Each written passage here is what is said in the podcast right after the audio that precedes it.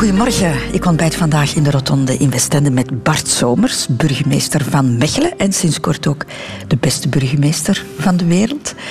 Je visitekaartje al laten aanpassen? Nee, toch niet. Nee? Uh, nee. Ik was er wel heel blij mee natuurlijk, maar ik relativeer dat ook wel heel sterk. Ik denk dat er veel burgemeesters zijn die dat zeker zo goed en beter doen dan ik zelf. Maar, het is wel leuk. nu kent de hele wereld, ja, je moet overal gaan praten. Uh. Ja, dat is wel merkwaardig. Ja, hoeveel aandacht men daar ook in het buitenland aan schenkt. Uh, ik, ik, word op de meest mogelijke plaatsen uitgenodigd nu om, om, om, het verhaal te doen. En ja, dat is ook eens een, een, een leuke kans om, om uh, in een andere omgeving over politiek te praten, maar ook om, om mijn eigen stad te promoten. Want uiteindelijk is dat gewoon goed voor Mechelen. Ja, wij gaan ook praten twee uur lang, maar niet alleen over politiek. Uh, we gaan het hebben over de afslagen die in je leven genomen hebt, uh, hmm. zowel professioneel als, als privé. En dat is moeilijker, zeker voor een politicus. Dat is ongewoner. Je wordt uit je comfortzone gehaald. Ja, Mag ook al eens, hè? Absoluut. Radio 2. De Rotonde met Christel van Dijk. Aan de ontbijttafel in de Rotonde in Westende Bart Somers, Open VLD-politicus, burgemeester uh, van Mechelen ook.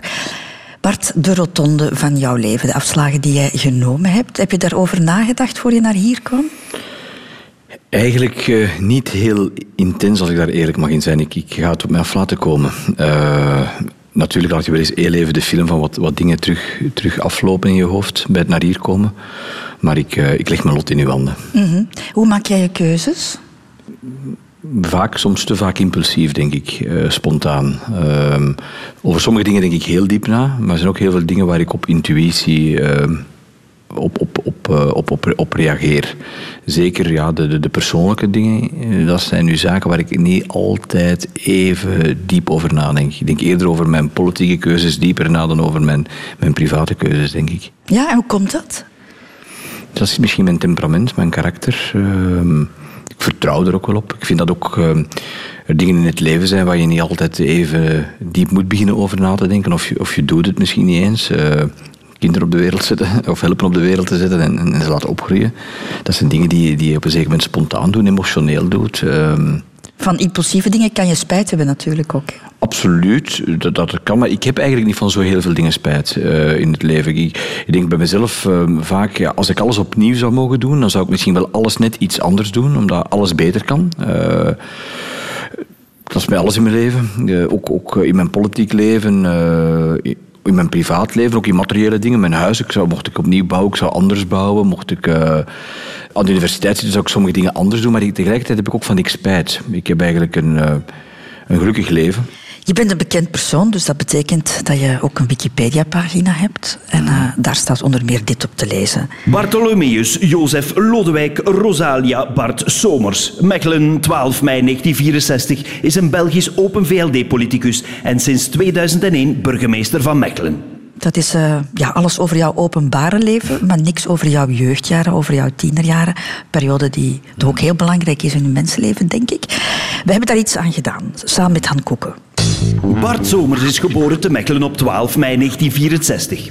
Al van jongs af aan had Bart twee grote passies. Geschiedenis en zijn twee jaar jongere zus Annemie plagen. Zo getuigt zijn aangeslagen zus. En dan speelde hij met de soldaatjes tot zijn 12, 13 jaar speelde hij in Eelder veldslagen na. En om uh, zijn zus dan een plezier te doen, kwam hij ook haar smurfendorp aanvallen. Maar dat plagen stopte snel, want op latere leeftijd had Bart zijn zus heel hard nodig. Zeker wanneer hij zich moeilijk kon houden aan het uur dat hij thuis moest zijn na het feesten, verklapt zus Annemie. En die betrok mij altijd in zijn complotjes, omdat ik dan natuurlijk de deur moest open doen om hem binnen te laten. En dan gooide die steentjes tegen mijn raam boven. Bart zette graag een stapje in de wereld. Op café gaan werd een van zijn favoriete hobby's weet studievriend Bert Kruismans. Ik heb Bart heel veel gezien in de buurt van een toog in een straal van uh, ja, 10 meter rond een toog, zal ik maar zeggen. En die nabijheid in de buurt van de toog was omgekeerd evenredig met zijn aanwezigheid in een aula. Ik kan me niet inbeelden dat ik Bart Somers ooit in de les gezien heb. Ondanks dat spijbelgebracht en specialisatie in toogkunde slaagde Bart toch in zijn studies rechten. Al van kleins af aan moest hij niets doen voor school en had hij toch redelijke punten, tot grote frustratie van zus Annemie. Zijn studiemethode was als volgt. Die kwam thuis en die gooide zijn boekentas in de hoek en had gedaan, die studeerde nooit. Bart was geen bankzitter, maar moest het hebben van zijn woorden. Of zoals Bert Kruismans het plastisch uitdrukt. Bart Somers was en is een groot lawaai. Een groot lawaait en een geboren politicus, weet zus Annemie. Ik herinner me dan op zijn kamer teksten ineen te steken om de wereld te gaan verbeteren. Het politiek bier, ik bedoel het politiek dier in de jonge Bart, werd al snel gespot door Bert Kruismans. Bart was echt een studentenleider hè, in zijn tijd. We zeiden toen al, die wordt ooit eerste minister van België. Bart zou volgens Bert ook geen enkele andere job willen doen. Ja, de man leefde alleen maar voor politiek. Dat was eigenlijk het enige waar hij mee bezig was. En zo geschiedde. Bart kwam op, zag en overwon. En de rest is history. Een flamboyant figuur. Dat heb ik daaruit geleerd. Ik denk dat ik altijd wel wat extra verd ben geweest. Ja, en, en me niet kon verzoenen met een rol die niet op een of andere manier boven het maaiveld uitstak. Dat heb ik altijd wel gehad. Ja. Ik, ik wou ehm, het verschil maken, denk ik, ook opvallen. Eh, misschien ook eh, de drang naar het podium, ehm, naar de aandacht, naar de schijnwerpers. Maar tegelijkertijd ook, ehm, ook een heel sterke gedrevenheid, maatschappelijke betrokkenheid. Eh, politiek was voor mij geen spel, dat was iets dat ik van thuis met de paplepel heb meegekregen en dat was iets heel edel. Mijn vader en, en mijn moeder zegden me altijd, ik was de eerste in mijn familie die naar de universiteit is mogen gaan en kunnen gaan. En eh, werd er bij ons thuis echt ingelepeld dat ik het geluk had om te mogen studeren, de eer had om te mogen studeren, dat veel mensen die kans niet krijgen. En dat dat ook mijn taak en mijn plicht was als mens om niet alleen met mezelf, maar ook met... ehm, met anderen bezig te zijn en, en mij ook in te zetten voor, voor, voor de samenleving, voor, voor de medemens.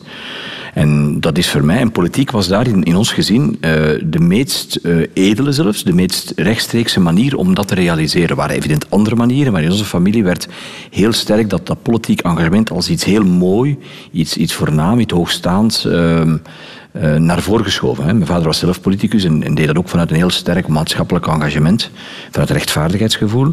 En dus van jongs af aan was ik daardoor gebeten. Eh, dus politiek was geen spel, dat was iets, iets eh, veel meer dan dat. Dat was iets dat moest. Dat was doe zolst, zoals eh, Kant dat zo mooi zegt. Niet over alle dingen in het leven kunnen we zelf beslissen. Er zijn afslagen die genomen worden voor ons. En dat is onder meer geboren worden op een plek, een bepaalde plek. En ik denk dat jij op dat gebied de goede kaarten getrokken hebt. Hè? Ja, ik heb een heel gelukkige jeugd gehad. Kan je het gezin even omschrijven? Een gezin Ja. van, van drie kinderen. Een gezin van drie kinderen, dus eh, vader en moeder, eh, beide eh, onderwijsmensen.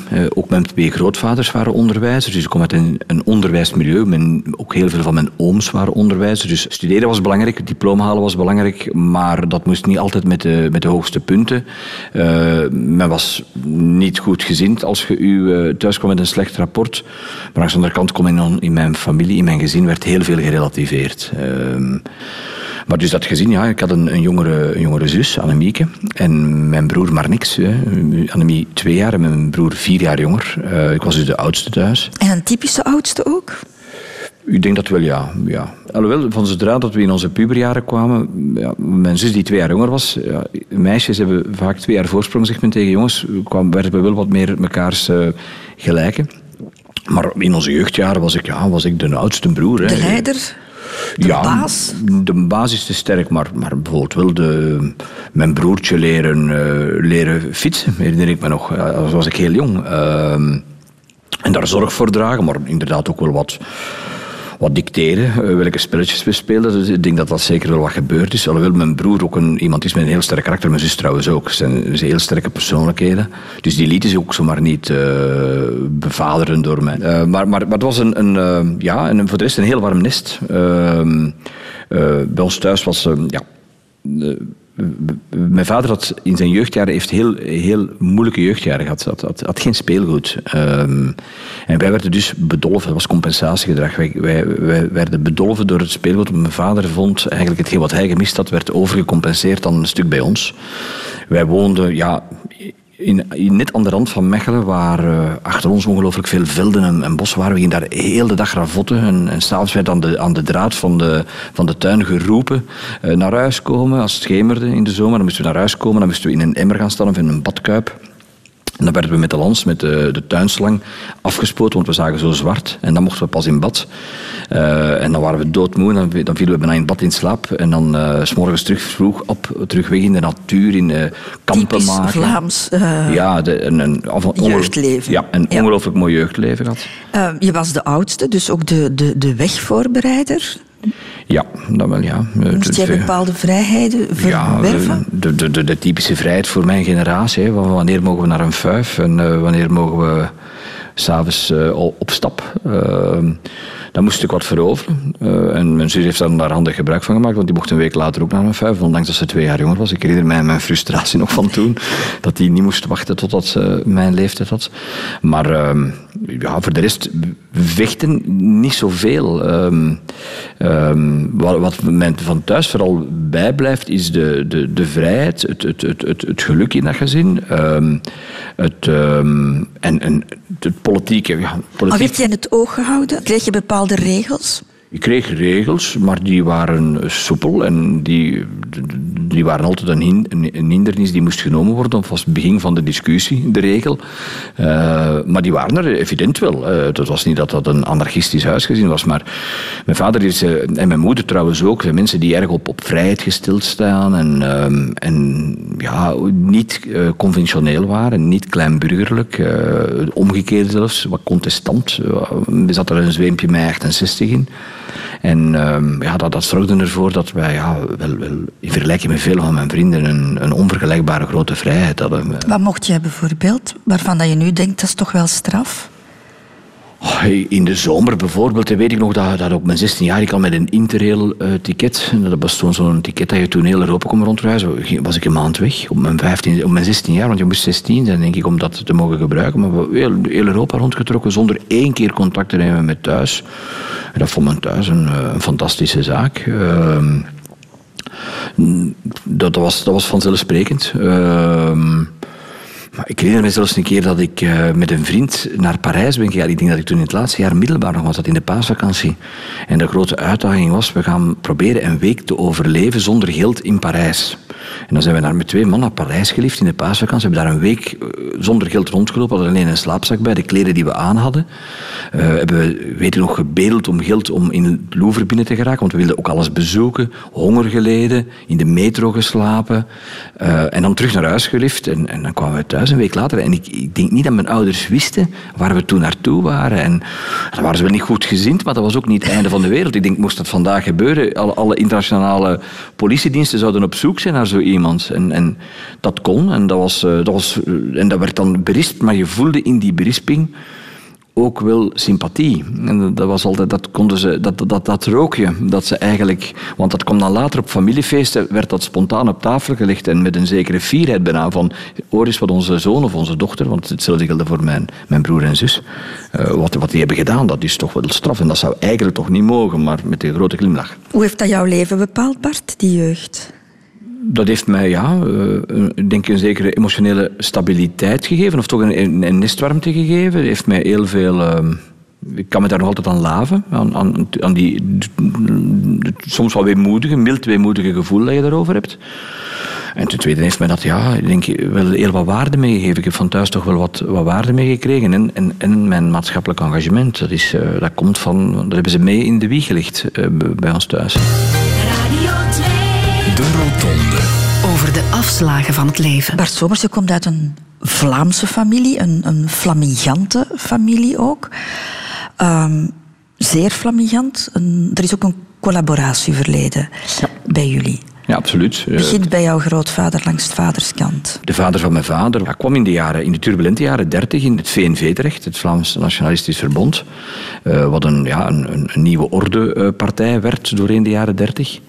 En uh, ja, daardoor meegesleurd in die, in die oorlogsbrand en, en echt in de collaboratie terechtgekomen. En, uh, de oudere broer van mijn vader is, uh, is naar het Oostfront gegaan. En ehm, op het einde van de oorlog is mijn familie gaan, gaan lopen eigenlijk voor de bevrijding. Zoals nog wat Vlaamse families. En die werden, kwamen dan samen in de regio Paderborn-Lipstad. En daar is de de tweede broer van mijn vader gestorven op 15-jarige leeftijd in Ja. uniform. Dat was onkel Jan. Ja, dat was Jan Somers. En eh, die foto van die grafsteen, eh, die we heel vaak zijn gaan bezoeken, heeft heel zijn leven lang op, op, op zijn bureau gestaan. Dat was voor mijn vader denk ik een zeer traumatische, heel ingrijpende Mhm. gebeurtenis. Het heeft wel een impact gehad. Hè. Onkel Karel en jouw grootvader in Ja, de ja. cel. Eh, Ze hebben ook hun, hun- hun bezittingen absoluut. moeten afgeven. Ja, dus armoedig moeten leven. Ja, dus eh, mijn vader heeft letterlijk honger geleden. Heeft, eh, ze hadden thuis geen meubels meer, want alles was ja, ook thuis kort en klein geslagen. Die heeft op een, eh, op een aardappelzak eigenlijk gestudeerd. Als klein kindje werd ook vaak gepest op dat moment natuurlijk nog. Hè. Dat, dat was nu eenmaal de hardheid van het bestaan.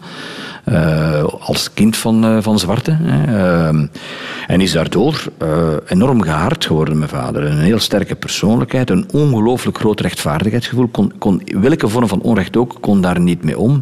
En ongelooflijke sympathie voor, voor de zwakkeren, in de, in de, in de, waar die zich ook mogen bevinden. En tegelijkertijd ja, een zeer, eh, zeer Vlaams eh, en zeg maar ook anti-Belgisch eh, overtuiging. Hoe, hoe heeft jou dat getekend, Bart? Heb jij je ooit moeten verdedigen tegenover dat verleden bij, bij andere mensen? Soms wel, ja. En, ik heb daar ook enorm mee geworsteld. Trouwens, die worsteling hebben we samen ook in ons gezin wel op een zeker moment meegemaakt. Dat was met de uitzendingen van Maurice de Wilde. Toen mijn vader eh, een boek van Bruno de Wever, De Greep naar de Macht van het VNV, dat was zo de periode jaren 80, jaren 90, dat de, de collaboratie eh, heel sterk werd, werd belicht en onderzocht en wetenschappelijk bekeken. En daarin zag je eh, dat, ja, dat eigenlijk onverdedigbaar was. Eh, en, en zag je ook dat, ehm, dat de leiding van, van die toenmalige Nationale Partij eigenlijk ja, eh, over lijken is gegaan. Beslissingen heeft genomen om, om proberen de macht te houden en te grijpen die onwaarschijnlijk negatieve gevolgen hebben gehad op hun, op hun achterban. En mijn vader is in die periode ook daar anders beginnen over na te denken. En is daar veel genuanceerder beginnen over na te denken.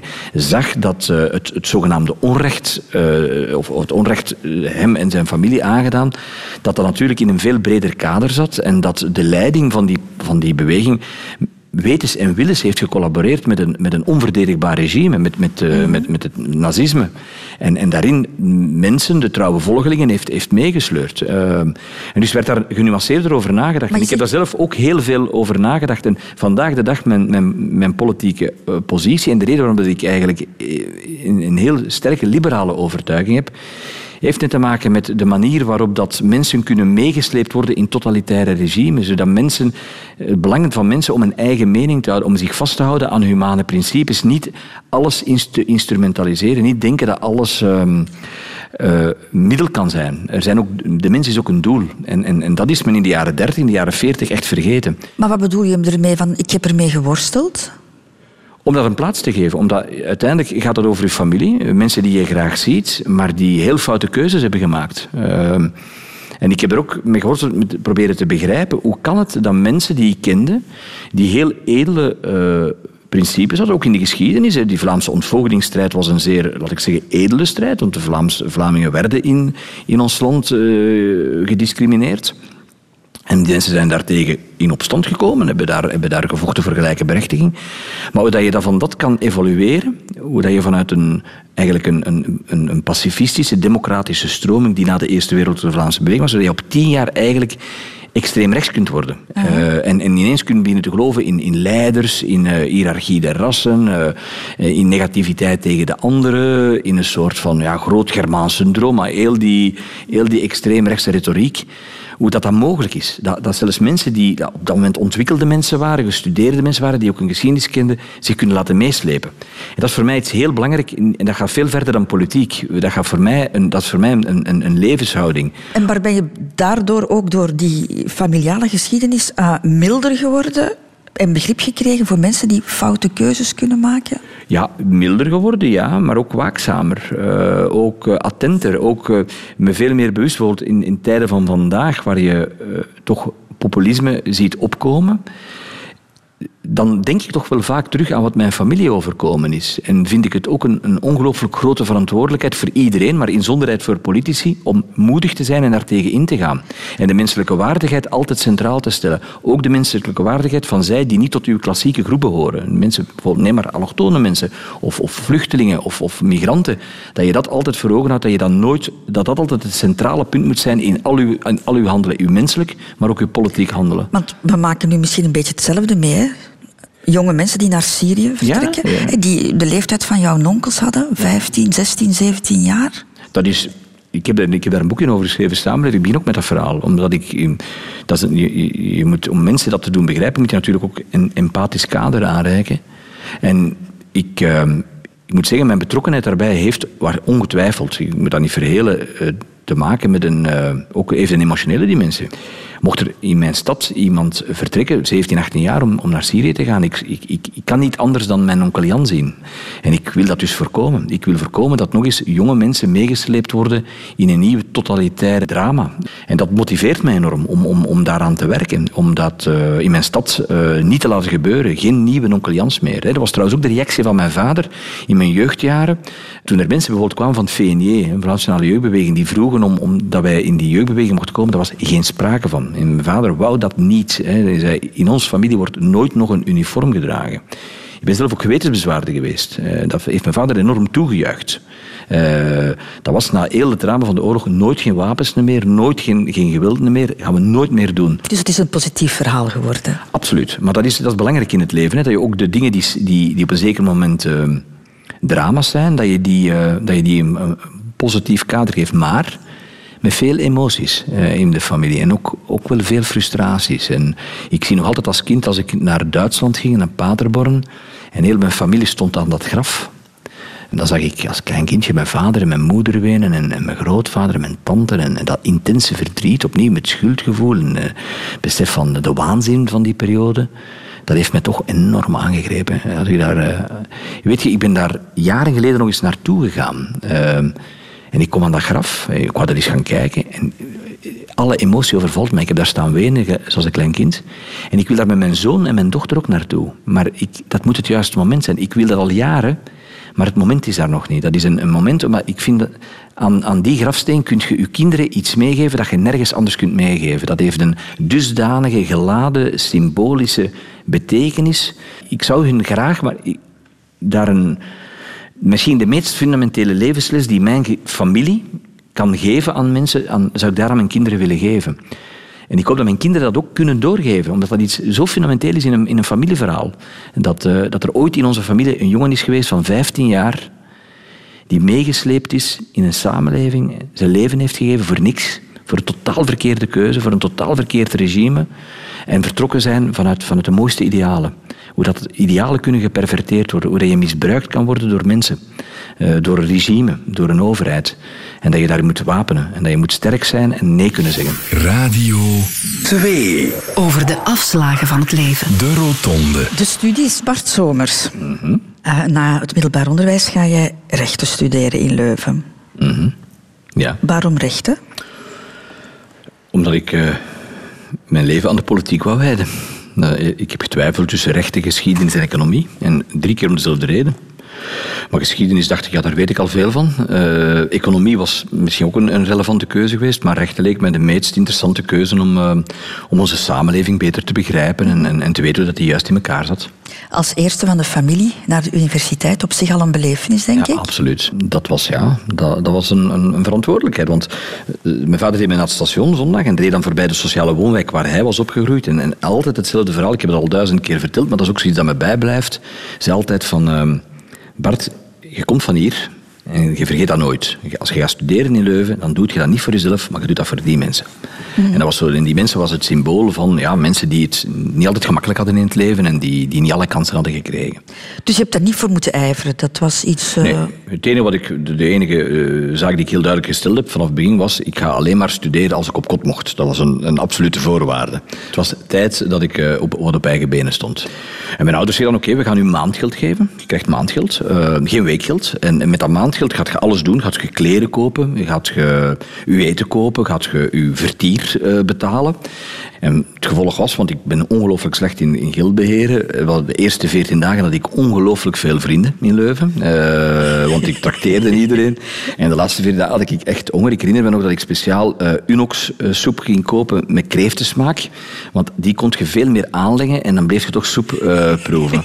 en ik, op een zeker moment had ik maar... Want ik moest ook kleren kopen, dat deed ik dan natuurlijk niet. En op op een zeker moment had ik maar één broek meer. En dan kwam ik vrijdag thuis en dan moest ik die broek uitdoen. En mijn moeder moest die dan wassen. Dan liep ik met een pyjamabroek rond totdat die gewassen was. En dan kon ik die terug aandoen. En mijn ouders waren dan wel consequent. Die zeiden, jongen, je hebt daar geld voor. Uh, je krijgt van ons geen, geen frank meer. Dat was een wanhopige poging van mijn ouders om mij financieel te leren uh, beter met, met, met, geld om te gaan. Je was daar geen onopgemerkt figuur. Je was daar al uh, zeer snel studentenleider. Ja, ik heb, um, ik heb het onderste uit de kan gehaald in mijn studententijd. En, en ik bedoel dat niet alleen, want dat heeft niet zozeer met vuiven te maken. Ik was zeer sociaal, maatschappelijk, politiek geëngageerd. Ik ging naar elk debat. Er konden geen drie mensen vergaderen, of ik was de vierde eh, in Leuven. Uh, dat les ging ik eigenlijk nooit. Maar uh, altijd discussiëren, debatteren, de, de, actualiteit volgen. Betogen? Betogen, manifesteren, zelfs betogingen op gang trekken. En zo ben ik, ja, ik, ben ik op een zeker moment, dat was in de jaren, in midden jaren tachtig, met het Sint-Anna-plan. Dat was een, een, een bezuinigingsplan toen, uh, waar ook Guy Verhofstadt, die toen een zeer jonge vice-eerste minister was voor begroting, eh, werd bezuinigd aan de, aan de universiteit, waardoor ja, dat, dat, dat een, een, impact op de, de mogelijkheden van, van laat zeggen, jongeren uit, uit, uit bescheidener gezinnen om, om naar, naar de universiteit te komen. En zijn we daar beginnen tegen te betogen. En, en ja, zeer snel was ik, was ik de man met de megafoon, was ik de man met de, met de, met de toespraken, de organisator. Autor We hebben toen ja, verschillende faculteiten bezet. Ik herinner me dat nog. Dat was altijd mijn, mijn frustratie van, ik heb mijn 60 niet meegemaakt. Ik wou dat zo graag meegemaakt hebben. En ik, ik heb dat geprobeerd mijn eigen mij 60 mee te creëren. uh, en het, het, politieke aspect van de mij 60, de opstand, de rebellie, uh, het niet neerleggen bij, bij, de, bij wat de overheid zegt. Uh, en dat was een ongelofelijke tijd. We hebben de, de bibliotheek bezet. Ja, dag en nacht. Ik herinner dat we tot vier uur s'nachts betoogd hebben op een zeker moment. naar Brussel met 10.000 mensen. Ik heb de laatste staking in de rechten uh, ooit kunnen organiseren. Je ging niet naar de les, maar de docenten moeten jou dan wel gekend ja, hebben. absoluut. Ik, ik, heb, um, ik, heb, ik heb het welsprekendheidstoernooi meegedaan en gewonnen toen in de rechtsfaculteit. Uh, ik heb de, bij het begin van het academiejaar mocht je, altijd een student die sprak. Ik, ik, heb dat ook mogen doen. Maar ben je ooit op het matje geroepen dan? Ja, ja want toen was dat... Um, um, ja, ik, ik, was echt wel, een, denk ik, op dat moment een relatief bekende student in, in het Leuvense. ik, ik, ik, uh, en ik, en ik probeerde altijd natuurlijk de, de revolutie te, ver, genoeg te krijgen. Uh, en ik moest dan spreken als student uh, bij het begin van het academiejaar. En men had op voorhand mijn toespraak gevraagd. En dat was een heel cynische toespraak over het gebrek aan inspraak en het gebrek uh, en de wijze waarop dat met die betogingen werd omgegaan. Uh, en dat eindigde uh, met uh, van, vandaag gezien een onschuldige zin, een citaat. Als apen hoog klimmen willen, ziet men pas hun blote billen. Dat ging dan over de politici. Maar de, de, de, de kardinaal of de aartsbisschop was daar ook. En ehm, de rector liet mij verstaan van dat dat onmogelijk was dat die zin blote billen zou gezegd worden in aanwezigheid van de hoogste geestelijkheid. En die dreigde er zelfs mee, heeft letterlijk gezegd, als je dat uitspreekt op die manier, dan heb je een concilium abiundi aan je been. En wat is dat? Dat wordt je van de universiteit gegooid. En dat vond ik nu toch wel, ja, dat, vond ik wel, dat, dat maakte wel indruk op dat moment. Uh, ik, zou dat nu, ik heb spijt dat ik daarvoor geplooid heb eigenlijk achteraf. Dat is, dat is een van de dingen waar ik spijt van heb. Ik had dat niet mogen doen, ik had dat moeten zeggen. Maar ik heb dat dan veranderd met wat batenkaars en bril als de uil niet zien wil, een bravere versie. Maar dat was, ja, dat was... Uh, maar voor de rest was dat eigenlijk het academisch milieu vindt dat eigenlijk wel aangenaam. Hè? Jonge mensen met een uitgesproken mening, want het was allemaal onderbouwd. Daar, daar zat een, een, een verhaal achter. Uh, zat er heel veel gedrevenheid achter. Ook heel veel studiewerk. Want als er dan iets was wat we wel bestudeerden, waren die, die wetsontwerpen. En, en, en, en de gevolgen daarvan. Dat kenden we allemaal. We konden daarover debatteren. In die periode hebben we trouwens ooit een VRT-studio op stelte gezet samen met Yves Leterme, die ik toen niet kende. Maar dat was een heel uh, berucht debat waarbij dat Guy Verhofstadt als jonge jeune, premier van voor in debat ging met 100 studenten. En in die zaal zat Leterme op, op rij 7 en ik op rij 10. Uh, en die, uh, in het midden van het debat, we vragen zitten stellen, zijn wij rechtgestaan, hebben wij ons omgedraaid. Want het was een live-uitzending en hadden wij een dopkaart op onze rug. Want dat was het gevolg natuurlijk van al die maatregelen, dat er veel meer jongeren gingen moeten gaan stempelen in ons hoofd. En uh, Verhofstadt is toen kwaad weggegaan uit die studio, live. en dat was de grote overwinning natuurlijk, de, de, de vicepremier uit de studio's gekregen. En dat, Leterme, ik kende hem, die zat toen vijf rijen voor mij. Die was wel braaf blijven zitten. maar ik had mee recht gestaan en mee, omgedraaid en mee voor, verkeerd geschopt. Je hebt nog plezier in. Hè, ja, absoluut. Dat is, maar ja, dat is ook zo. Hè. Dat is de nostalgie van de studententijd. Dat is de, de absolute vrijheid. Dat was ook een, eh, een hele mooie tijd waar, dat, waar dat je natuurlijk alle grenzen aftast. Waar dat je, en waar je veel geleerd hebt. Ja, en ook waar je dingen doet die niet allemaal mogen. Maar je moet dat, uh, ik, ik denk dat je dat in je jeugd moet je wat experimenteren. Moet je toch voelen tot, tot aan de grens. En soms er is een klein beetje over. Uh, dat helpt u later, omdat dan heb je die behoefte minder als je verantwoordelijker functies draagt. We zullen het eens over de liefde hebben, Bart Somers. Een van de essentiële afslagen, belangrijke afslagen in het uh, leven. We hebben met jouw goede vriend Bert Kruismans gebeld, dat uh, heb je al gehoord. Ai, ai, ai, en hij zei ook over jou, um, wij begrepen het eigenlijk niet zo goed. Bart was niet meteen een, ad een Adonis, maar hij had ongelooflijk veel succes bij vrouwen. Dat is sterk overdreven. In mijn studententijd heb ik, uh, heb, ik, heb ik natuurlijk wel wat vriendinnetjes gehad. Uh, dat was ook een deel van de gulzigheid waarmee ik mijn studententijd heb beleefd. Ik heb die op, op alle mogelijke manieren. Ik had ook een vriendenkring die, waar ik me heel geborgen in voelde. Dat zijn ook voor mij vrienden voor het leven. Ik vind ook mensen die je daar leert kennen die leert mensen in, op een bepaalde manier kennen aan de universiteit of in dat tijdsgevricht van, van, van hun bestaan. En mensen veranderen eigenlijk niet meer. Nee. En als je die dertig jaar later tegenkomt, heb je heel vaak het gevoel, na één minuut, alsof je die altijd hebt blijven ontmoeten. En ja, in die, in die studententijd was, was een deel van de guldigheid natuurlijk misschien ook wel ja, de, de liefde of verliefd zijn. Uh, dat heeft zeker uh, een, een plaats gehad daarin. Ben je op dat gebied streng opgevoed? Nee, er is eigenlijk geen gebied waar ik streng ben in opgevoed. Maar mijn ouders hadden wel ja, die, die, die typisch Vlaamse, uh, laten we zeggen, christelijke moraal van, van, uh, van, van, van hun generatie. Maar zeker niet verkrampt. Uh, ik denk dat we daar een doorsnee gezin waren. Maar kon jij je vriendinnen mee naar huis nemen? Ja, ja. Die blijven slapen, dat zou, nu, dat zou niet, niet gemogen hebben, denk ik. Of dat zou moeilijk geweest zijn, dat zou ze wat confronterend gevonden hebben ze wisten natuurlijk als ik een vriendin had in Leuven dat, uh, dat we niet, uh, dat we niet uh, de, de belofte van Kuister tegen elkaar hadden, hadden afgelegd. Zolang het maar in Leuven gebeurde. Ja, maar ik, ook in middelbaar had ik al wel vriendinnetjes en, en die kwamen wel langs. En, die, nou, dus ja, die, die wisten wel wat er gebeurde, denk ik. Hè. Die waren daar wel van op de hoogte, maar daar werd nu ook niet, allee, dat was, daar werd ook niet over, uitvoerig over gepraat. Trouwens, ik had er ook geen behoefte aan om daar met mijn ouders heel, heel, heel uitvoerig over te praten. Over de liefde en wat dat betekent. In abstracte termen deed ik dat wel met mijn vader eh, in onze nachtelijke gesprekken zo, die, we, die we vaak hadden. Maar, uh, nachtelijke gesprekken? Ja, met mijn vader had ik dat de gewoonte van, als ik, een, als ik aan vijf was gegaan. En dan kwam ik thuis s'avonds om, om, om drie uur of om twee uur s'nachts. Uh, om drie uur, half vier. En, soms ook wel te veel gedronken. Ja, een jongen van 17, 18, 19, 20 jaar. En mijn vader zat dan thuis nog te werken. Dat was een nachtmens. Die ging maar slapen om zes uur s'nachts. En die zat dan te werken. En soms had je dan ook al wel eens een cognac te veel gedronken. Of, of, of, of twee, drie cognacjes gedronken. En dan moest ik altijd nog binnenkomen in zijn bureau. Uh, hoe laat het ook was, zitten, mocht ik zitten en dan gaf hij mij ook nog altijd een cognacje. En uh, dan was dat met één lamp en dan werd er gepraat over het leven. Over de grote thema's, over wat het betekent um, gelukkig te zijn. Of er een God is of geen God is. en die vroeg ook, maar wie heb je gezien? En dan zei ja, die en die, ja, vriendschap is belangrijk. En werd er over vriendschap gepraat. En dat was een gesprek, dat was ongelooflijk. Op dat moment waren wij vrienden. Uh, was die hiërarchische band daar veel minder aanwezig. Als ik me vraag, wat zijn de meest intieme momenten ooit met, met mijn vader? Dat waren die momenten. Ja. Uh, ik ben met mijn zoon ooit eens eh, naar Dublin gegaan, uh, twee, drie dagen. Dan hebben wij een reis gemaakt naar Dublin, alleen met mijn zoon. Omdat hem toen, hij was aan de universiteit, had zijn eerste semester goed doorgemaakt. Ik zei, waar gaan we naartoe? En hij houdt van muziek, dus we zijn naar Dublin gegaan. En dat is ook zo, dat is een momentum dat je, dat je een band hebt met je kind dat, dat je niet kunt vergelijken met je dagdagelijkse band. Mm. Uh, waar de hiërarchie wegvalt en waar de mens en niet het kind centraal staat. En, en bij mij, omgekeerd bij mijn vader, stond niet de vader, maar de man centraal. Mm. En dat zijn, uh, ja, dat zijn heel warme, unieke uh, herinneringen die ik daaraan heb. Maar we hadden het over de liefde. Hè, dat is ook, een, voor, dat is ook een, een, een, voor mij een heel belangrijke liefde. De liefde voor ouders vind ik, uh, vind ik ook iets. Hè. Liefde heeft vele gezichten. Uh, liefde is een containerbegrip. Uh, liefde kan heftige verliefdheid zijn, kan...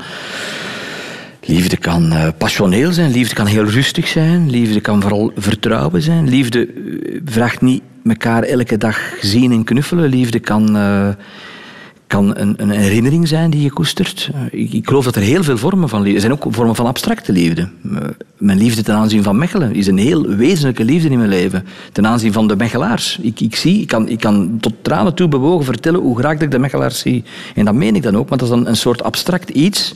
Dat zijn de mensen in mijn stad, in al hun diversiteit, met al hun, uh, met al hun mogelijkheden, hun kracht, hun, hun, hun, hun zachtheid, ook hun hardheid... En dat is ook een vorm van liefde. Uh, dus liefde is voor mij iets dat um, heel veelzijdig is. En, en trouwens, de liefde tegenover een persoon evolueert ook heel sterk. Hè. Je kan, als je mij zou vragen, definieer je liefde ten aanzien van je kinderen, of ten aanzien van je vrouw, of ten aanzien van, van, van je moeder. Hè. Uh, ja, dat is niet te definiëren, omdat dat juist dat verschuift ook heel de tijd. En soms kan het ook eens verkeerd gaan in de liefde, Bart. Hè? Dat kan soms, ja. ja. Liefde is ook een werkwoord. Uh, dat is ook iets wat je elke dag moet aan werken aan een relatie. En ik denk, wij zijn 25 jaar samen. Um, en ik denk dat zo, als in, in, in elk huwelijk of in elke relatie heb je daar uh, goede momenten en soms ook moeilijker momenten. Dat je, dat je eigenlijk soms uh, misschien elkaar wat beuzen uitgekeken bent met elkaar. Uh, dat je ruzie hebt, dat er meningsverschillen bestaan. En die worden dan vaak gecompenseerd door mooiere momenten. Uh, en soms ligt het probleem in de relatie. Soms ligt het probleem ook bij jezelf, dat je op zoek bent gegaan naar jezelf. En dat was rond, toen ik 40 jaar was, ja, zat ik, zoals heel veel mannen denk ik, ook met een, een, een, een van een midlife crisis. En uh, zit je te zoeken van wie ben ik? Uh, is dat wat het leven te bieden heeft? zit ik hier niet in een, in een tunnel gevangen? Moet ik, moet ik mijn leven niet omgooien? Uh, moet ik niet met een, met een motto leren rijden? Dat ben ik toen ook beginnen te doen. en ik heb dat... Uh, ik zeg, ik met een motto leren. En dan, het is toch een cliché midlife crisis? Ja, en dan zat ik op die motto. Ik, ik, de eerste les, uh, een helm op, botten aan. En dan moest je zo een rondje rijden. En na één rondje dacht ik, wat zit ik hier in godsnaam op een motto te doen? En ik ben dan opgestaan en ik heb gezegd, ik ben hier weg. En ja, en op zo'n moment, ja, ik kan ook, kan ook in een relatie, kan dat opduiken. Binnen uw relatie, kunt je ook uw relatie daar binnen... Uh, en dan, dan kan dat even, ja, dan, is dat moeilijk, dan kan dat moeilijk zijn. Maar Weet een politicus heeft niet heel veel uh, private ruimte. Uh, en zo de intimiteit van een relatie, of van mijn relatie, vind ik, uh, vind ik iets privaats.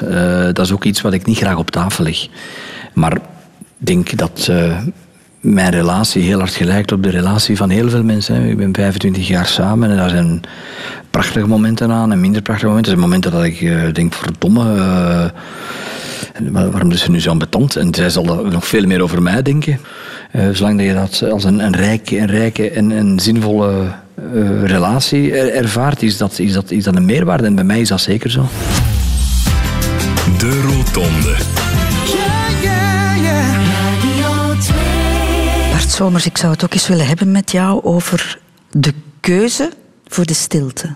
Want iedereen denkt van Bart Somers, flamboyant figuur, sociaal, pinten pakken. Dat beeld is niet juist. Want Mechelaars weten, ik, ik heb bijvoorbeeld uh, nooit, is misschien heel veel gezegd, maar als ik om de drie maanden een keer in een café binnenkom, is het, is het echt wel veel. Dus, uh, en dat is vaak het beeld dat mensen hebben van politici, omdat wanneer zien ze politici, dat is onder mensen. Maar ik ben iemand die eigenlijk heel veel behoefte heeft om, um, om op mezelf te zijn. Om, om alleen te zijn. Uh, de momenten waar ik echt van kan genieten zijn momenten dat ik um, alleen thuis ben en, en, en, en, een boek kan lezen. Voor mij is dat iets heel belangrijk. Boeken lezen, dat geeft rust, dat geeft uh, kalmte. Of als ik bijvoorbeeld, onlangs ben ik nog naar het buitenland moeten gaan, gaan spreken. En dan alleen op de luchthaven, alleen in dat vliegtuig, ook eens alleen op een hotelkamer. Uh, dat vind ik uh, bevrijdend. Dan, dan wordt alles stil, dan wordt alles rustig. Dan wordt ook wel rustig in je hoofd.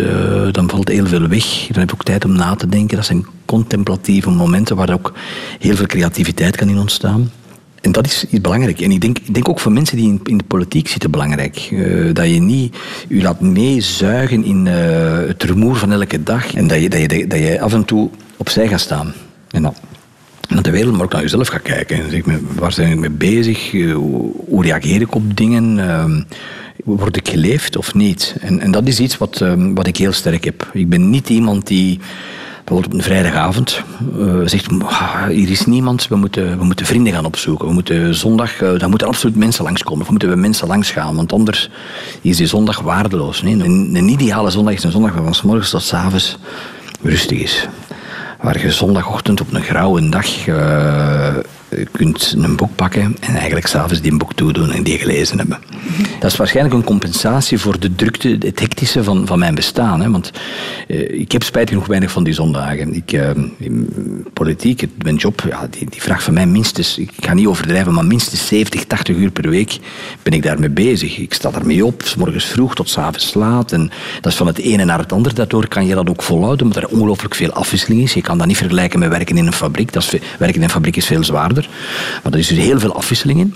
En dat maakt het boeiend, creatief, maar dat is ook een beetje uitputtend. Uh, heel veel vergaderen, heel veel mensen zien, altijd gefocust zijn, alert zijn, uh, uh, inlevingsvermogen betonen. Ja, en dan is de compensatie natuurlijk de rust, de stilte, de, de afwezigheid van mensen. Dat heb je emotioneel, maar ook fysiek nodig. Ja, ja, ja, beide. Uh, heeft ook te maken met... Ja, men kent mij overal. Uh, en mensen die dat, die dat niet hebben, die beseffen niet hoe ingrijpend dat, dat is. Dat je overal waar je komt, iedereen u herkent. Uh, en, en, en, mensen zijn heel hoffelijk. Hè. Mensen klampen u niet aan, vallen u niet lastig. Af en toe gebeurt dat eens, maar dat is eigenlijk heel weinig. Maar, maar je voelt, de blikken van de anderen zijn er altijd. En die zijn blikken die je herkennen. En dan is natuurlijk het feit dat je helemaal alleen bent, is dan ook een, in zekere zin een last die van u afvalt. Een, een, een, een, een, een stuk vrijheid die je neemt. Want je hebt daar eigenlijk je eigen ruimte voor gecreëerd, hè? Ja, ik heb in, ik heb in mijn tuin... Die, wordt natuurlijk, die ruimte wordt ondertussen uh, gekoloniseerd door mijn kinderen heel vaak. Maar ik heb in mijn tuinhuisje met een... Uh, ja, dat is dan een, belangrijk deel van mijn boeken. Daar kan ik ook werken, maar ja, in, het huis is er ook altijd te leven. Je moet ook uh, wat kunnen nadenken en teksten maken bijvoorbeeld, of, mails beantwoorden. Dat is een beetje een bureautje, maar dat is ook een bureau van stilte en dat is daar heel stil. Uh, dat is dubbel glas, dus je hoort er eigenlijk niks. En die, die, die volledige stilte op, op een zondag voormiddag bijvoorbeeld, in plaats van naar de zevende dag te kijken, daar gaan zitten. Veel verrijkender soms dan, dan naar de zevende dag kijken. En daarom een goed boek, goed boek lezen, dat is ja, dat is... Dat Boeken, dat komt ook wel altijd terug in, in, in jouw verhaal, hè? Ja, dat is eigenlijk begonnen aan de universiteit, als ik daar eerlijk in ben. Ik ben op een zeker moment, heeft een, een, een andere goede vriend van mij, nog altijd Steven van Steenkisten, die zei, je moet mee naar de boekenbeurs. Ik was er nog nooit geweest. Ik denk dat ik toen in de eerste licentie zat. En ik had natuurlijk al wel wat boeken gelezen, maar niet op een fanatieke manier. En uh, we zijn daar toen naartoe gegaan. En ik heb daar eigenlijk op de, mijn, laatste cent, was begin van de maand, dus ik had er toen nog wat. Uh, uh, heb ik alles opgekocht wat ik had aan, aan, boeken. En ik ben toen beginnen te lezen en eigenlijk nooit meer gestopt. En ik ben eerst, eerst heel veel filosofie, geschiedenis, economie, politieke boeken. Dat leest je eerst allemaal. Hè. Als je politicus bent, dan moet je allemaal weten. Maar op een zeker moment ontdekt je, dat heb ik al tien keer gelezen. Of de zoveelste boek over de geschiedenis van België na de Tweede Wereldoorlog, we weten het nu wel. En dan ben ik overgeschakeld, ik denk 10, 15 jaar geleden, op, op, op romans. Uh, en daar haal je veel meer uit. Dat is veel boeiender. Dan leer je ook veel meer over het leven. Ook over het leven als politicus, over de maatschappij, over hoe dat mensen functioneren. En dan ben ik, ja, dat is een verslaving. Uh, ik heb boeken nodig, ik heb altijd een boek bij, altijd een, een, een, roman bij die ik aan het lezen ben. En het leuke is in het parlement, uh, Bjorn Joska van, van Groen is ook iemand die veel leest. Uh, of Bruno Tobak is ook iemand die veel boeken leest. En dan praten we daar met elkaar over en wisselen we boeken uit aan elkaar, of titels van boeken uit aan elkaar. Van die moet, moet je lezen, hoe vond je die? En ja, dat is, dat is voor mij. Um, weet dan komt ook altijd in een andere wereld, als op reis gaan. Uh, in de geschiedenis, in de tijd, in de ruimte, uh, in het leven van iemand anders, in de emoties van iemand anders. En dan herkent je natuurlijk heel vaak dingen van jezelf, of, of uh, zijn er passies die je ontdekt. ik ben eigenlijk verliefd geworden op Midden-Europa bijvoorbeeld, op, op, steden als Praag en Berlijn, Lemberg, door het lezen van boeken. Uh, en die lees van de geschiedenis uh, door, prachtige schrijvers als Jozef Rood en Sandor Marai. Dat zijn, die schrijven boeken die, die elk woord ervan is, Ik ben daar ook jaloers op. Dat is mijn grootste droom. Die ik echt in mijn leven... Ik zou ook heel graag een roman schrijven. Is het Ja, ongelooflijk graag. Ik heb... Uh, ja... Ehm, dat is moeilijk. Want maar ben je daarmee bezig in je ja, hoofd ik, in mijn hoofd, ja, absoluut. Ik, ik, ga, ik, ben nu, ik heb nu een boek geschreven, Samenleven, hè, over diversiteit. Dat is een politiek boek. Maar eigenlijk, stiekem, is dat oefenen in het schrijven van een boek. Eh, als ik daar heel eerlijk in ben, dat is echt mijn, mijn, mijn droom om, om iets te schrijven dat wezenlijk is over het leven. Over het leven zelf, hè, over, de mens, over de menselijke conditie. Maar een roman, dus een, een, roman, fictief... een verhaal van een, een, een man, maar dan met een, een, ja, een, een, van een man of een vrouw, of, of uh, over het leven zelf. En soms zit ik met thema's in mijn hoofd, maar uh, ik, ik weet niet dat het me ooit gaat lukken, want dat is een bijzondere vaardigheid. Je moet er ook... Uh, dat is, daarom ben ik soms heel jaloers als ik zo'n goede boek lees. En denk, verdomme toch, dat kan ik niet. Dat, dat, is iets dat, dat ligt buiten mijn mogelijkheden. Maar het kan er misschien nog van komen. Maar ik ga het proberen, maar misschien ga ik het onder een pseudoniem moeten doen. De Rotonde. Radio 2. Radio 2. Kinderen, dat is een bewuste keuze. Absoluut. Meestal toch? Mm. Bij, bij, mij, bij ons was dat een heel bewuste keuze. En uh, ik heb ook twee schatten van kinderen. Uh, Zoon en dochter? Ja, Jan Klaas en Lise, beide jonge twintigers, beide aan de universiteit. Uh, beide groepsleider bij de Giro. Dus zij bij de meisjes, zij bij de jongens. heel sterke aangename, positieve mensen. Beide met een ander karakter. Twee goede vrienden van elkaar. Wat ook, vind ik als ouder, altijd heel aangenaam is om te zien. Dat die echt samen optrekken. Uh, Voeden jullie ze op in dezelfde vrijheid die jij gekregen hebt? Thuis? Mm, in grote lijnen wel, ja. Uh, denk, misschien met toch iets meer regels. We leven ook in, misschien wel in een andere tijd. Uh, maar op het einde van de, van de rit, ja. Ik denk, als mijn kinderen zijn uh, vrij, zijn, uh, hebben minder in zoverre dat je dat weet als ouder. Hè. We misschien iets minder de behoefte gehad om te experimenteren en de, naar de randjes te gaan. Ze zijn braver dan de papa, met andere woorden. Ik heb het gevoel van wel, ja. Maar ik kan me daar enorm in vergissen natuurlijk. Want mijn kinderen zeggen niet, noodzak, niet noodzakelijk alles. Maar ja, uh, er zijn mensen die positief in het leven staan. Die een hele leuke vriendenkring hebben. Die uh, goed bezig zijn met zichzelf en met, met, met, met hun leven. Uh, dat komt goed. Mm. Ja. Heb ik het bij het rechte eind als ik zeg dat met de verkiezingsnederlaag van Open VLD in 2009, dat jij toen beseft hebt wat de waarde van kinderen is? Ik heb dat altijd wel beseft, maar toen maar dat was wel een heel, uh, laat ik zeggen, een heel um, innig moment. Uh, Zullen we even het, het verhaal schetsen? Ja. Het was een heel moeilijke periode voor jou. Ja. Want eigenlijk was jij de man die naar de top van Open VLD gestuurd werd. Hè. Je was ja. uh, minister-president, je was partijvoorzitter van Open VLD. En dan ineens kom je in stormwater terecht. Er is eerst de affaire hè, Dirk Vinken, die van uh, LDD naar jullie komt ja. dan terug. Ja. En dan die verpletterende nederlaag in 2009, ja. toen jij partijvoorzitter was. Het was een, een, een, een zware nederlaag toen. Uh, en ik was toen, ja... Uh, bij zo'n nederlaag ja, voel je dat je als voorzitter je verantwoordelijkheid moet opnemen. Je, kan niet blijven zitten op zo'n moment. Hè. De, partij is, teleurgesteld. Ehm, en voor, dan dreigt er altijd een ja, intern grote discussie, debat. Uh, wie is verantwoordelijk ervoor? En, en, dan is het belangrijk dat op zo'n moment uh, een partijvoorzitter zegt van kijk, ik, ik neem die verantwoordelijkheid op mij. Dat is, uh, ik ben partijvoorzitter. Evident is dat niet alleen de verantwoordelijkheid van die, dat weet ook iedereen wel in zo'n partij. Zeg, ik neem dat op mij en ik zet een stap terug. om op die manier... Was dat meteen duidelijk voor jou? Die, dat werd, die avond werd dat wel duidelijk, ja. Die avond van de verkiezingen, dat is een, dat heel, uh, een heel emotioneel moment. Hè. Je, je voelde natuurlijk aankomen al de dagen voor de verkiezingen dat het niet goed zat. Ja, en die avond zit je dan samen met de kopstukken van je partij. Uh, dat was toen uh, in, de, in het voorzitterschap van de Kamer zaten we samen toen. Mensen als Patrick de Waal, Guy Verhofstadt, nog een paar anderen.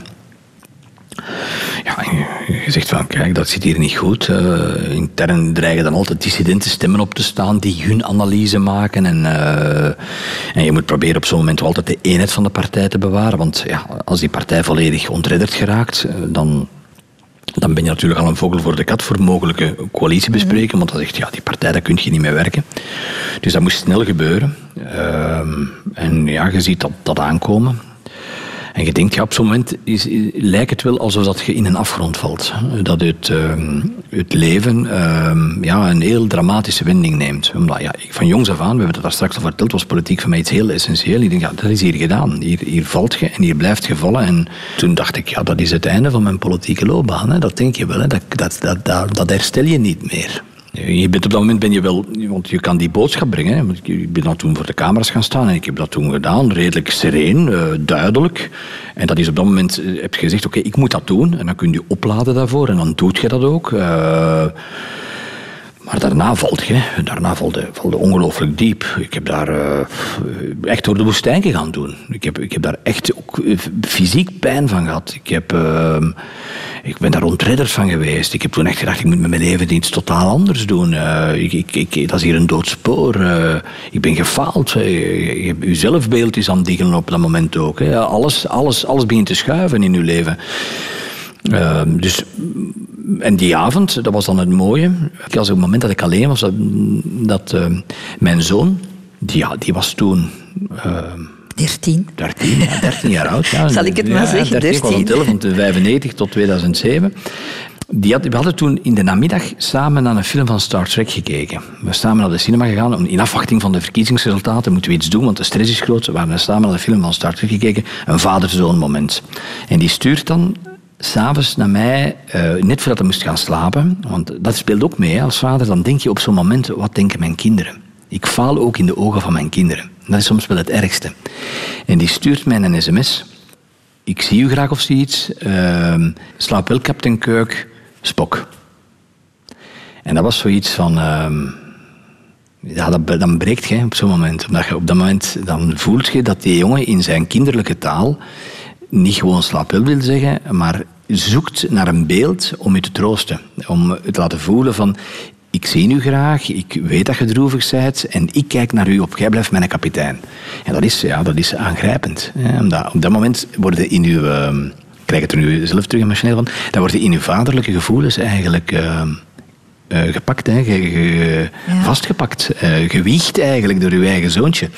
En dat is, ja, dat is, um, op zo'n moment is dat, ja, is dat het meest ontroerende, maar ook het mooiste. Niemand anders kon, dat, kon, kon mij iets mooier zeggen dan hij op dat moment.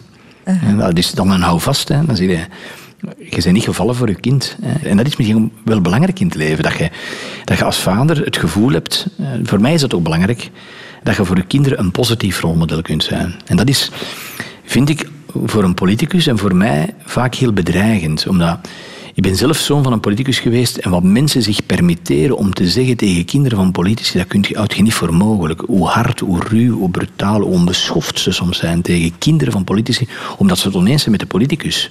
De verwijten die men maakt, de dingen die men over de vader zegt tegen kinderen, dat is verschrikkelijk. En mijn kinderen vertellen dat thuis niet. Als ik hun daar naar vraag, zeggen nee, nee, nee, nee. En ik weet beter, omdat ik het zelf heb hmm. meegemaakt.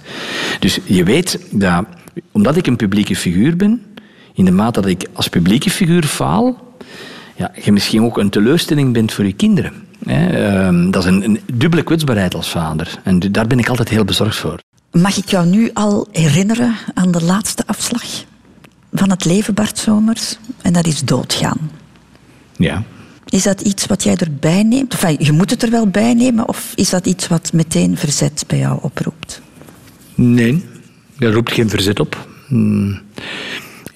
Ik kijk naar het leven als een, ehm, als een geschenk. Het, alternatief is niks. Ofwel is er leven, is niet. Ik ben zelf atheïst, ik kom uit een christelijke achtergrond. Ik, ben, ik zeg vaak dat ik cultureel christen ben. Maar zelf geloof ik niet in God. Uh, ik heb heel veel respect voor mensen die dat wel doen, maar ik zelf geloof daar niet in. En voor mij zie ik het leven als een, een, een onverwacht geschenk. Je had even gewoon niet kunnen leven. En dat is een periode die je krijgt. Uh, en daar gebeuren ongelooflijke dingen in, goede en minder goede.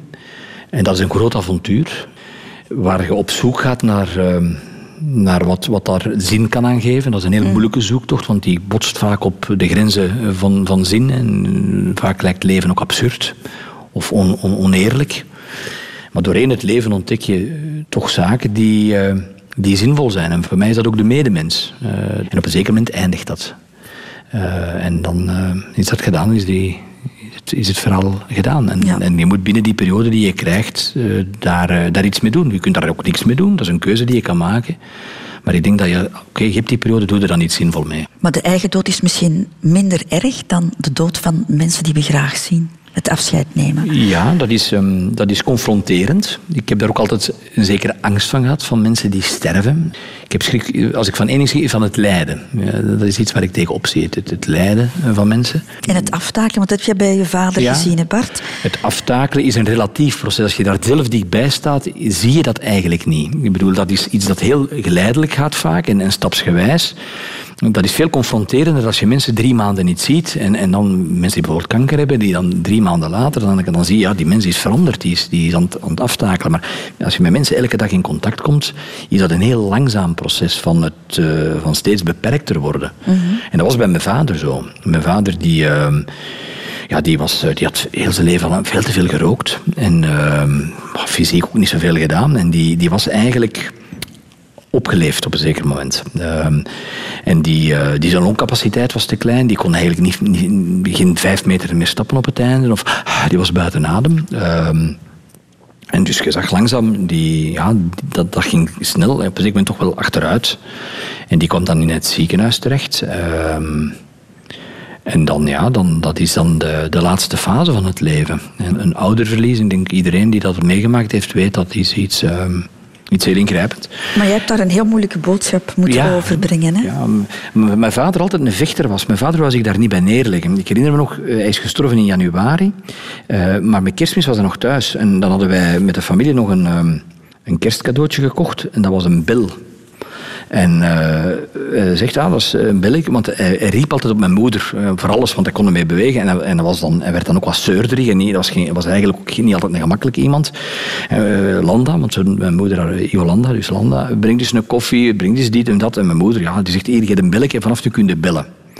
En hij zei toen, uh, dat is goed, zegt hij, ik ga dat belletje gebruiken. Eén keer voor iets te krijgen en twee keer als je allemaal de boom in kunt. En heel die kerstavond was dat altijd twee keer uh, bellen. Dat was typisch mijn vader. Dat was zo, een soort van sarcasme en humor en dat was grappig. Maar dan moest hij naar het ziekenhuis en, en, hij wou dat niet. Hij wou terug naar huis. En hij kon zich daar niet bij neerleggen. En hij heeft heel dat ziekenhuis op, op, op, op stilte gezet. Hij heeft die verplegers, die dokters, dat was een schande, dat kon niet. Hij moest naar huis. Maar ik kon niet meer naar huis. Dat ging gewoon fysiek niet meer. En hij werd dan kwaad op mijn moeder en hij werd irrationeel en emotioneel, maar hij zich niet kon bij neerleggen. En, en ik denk in zijn geest was naar huis gaan de mogelijkheid om misschien terug te genezen en in het ziekenhuis blijven. En hij kon dat niet. En uh, niemand kon daarmee praten. Die, die wou per se naar huis. Uh, zei, dat gaat niet, ik kan daar niet meer voor zorgen. En heb ik, ben ik als oudste zoon uh, mee moeten gaan praten. En dan was hij mee kwaad, en ook tegen mij. En zelfs ja, door de emotie ook zelfs een beetje grof zo, uh, kwaad, opstandig. Zoals iemand, ja, iemand die... Uh, eigenlijk is het ook een beetje paniek. Hè? Mm -hmm. Dan moest ik tegen hem vertellen van, ja vader, uh, ik, ik, de moeilijkste boodschap die, die, die, die een zoon kan geven aan zijn vader is eigenlijk zeggen, vader, je bent aan het sterven. Uh, en je kunt niet naar huis. En, het is het laatste stadium. Uh, ik moest dat dan zeggen, dat was natuurlijk um, heel moeilijk, emotioneel. Hè.